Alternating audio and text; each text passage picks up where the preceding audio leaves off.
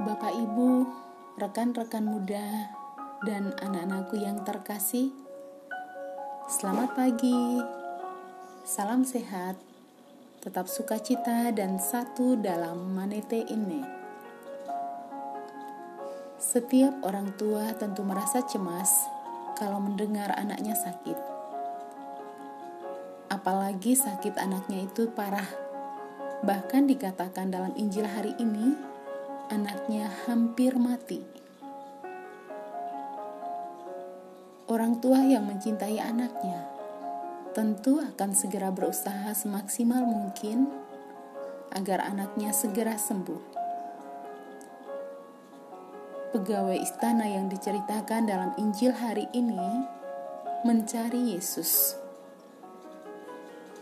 agar anaknya disembuhkan.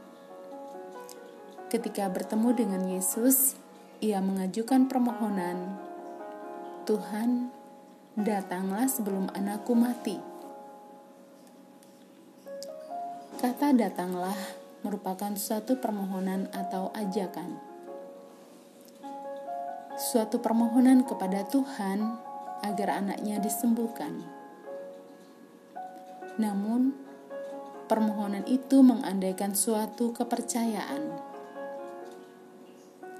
tanpa iman, tanpa kepercayaan, tentu tidak terjadi mukjizat kesembuhan. Kiranya hal ini sama bila para pasien yang ada di rumah sakit tidak merasa percaya atau tidak yakin pada dokter yang merawatnya. Apalagi kalau tidak meyakini bahwa obat yang diminumnya bakal menyembuhkan. Ternyata situasi dari dalam diri orang yang mau disembuhkan atau yang minta disembuhkan sangat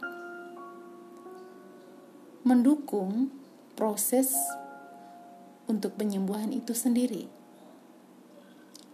Yesus berkali-kali dalam membuat mukjizat selalu menuntut iman, entah kepada orang yang bersangkutan atau orang-orang yang membawa orang yang sakit.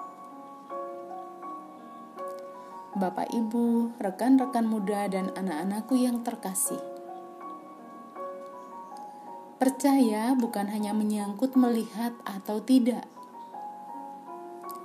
Orang yang melihat mujizat belum tentu langsung percaya.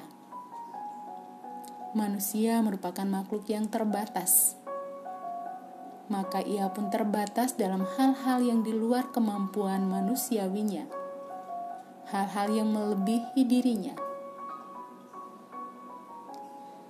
Iman adalah suatu rahmat yang merupakan pemberian secara cuma-cuma dari Allah. Orang bisa memohonnya, namun tidak bisa memaksanya. Justru apa yang kita punya saat ini, hendaknya juga kita bagikan kepada orang lain secara cuma-cuma karena kita sudah mendapat cuma-cuma dari Allah.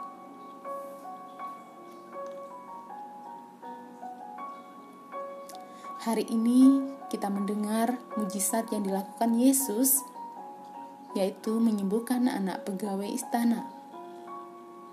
Jelas bahwa Yesus hadir pada setiap orang, baik yang sudah dikenal maupun yang belum Yesus hadir dan memberikan kasihnya tanpa memandang kedudukan dan derajat seseorang. Karena Yesus hanya menginginkan satu hal dari kita yaitu percaya. Hari-hari ini kita mendengar jeritan tangisan, kesakitan, penderitaan, dan duka yang berkepanjangan karena pandemi COVID yang melanda kita semua.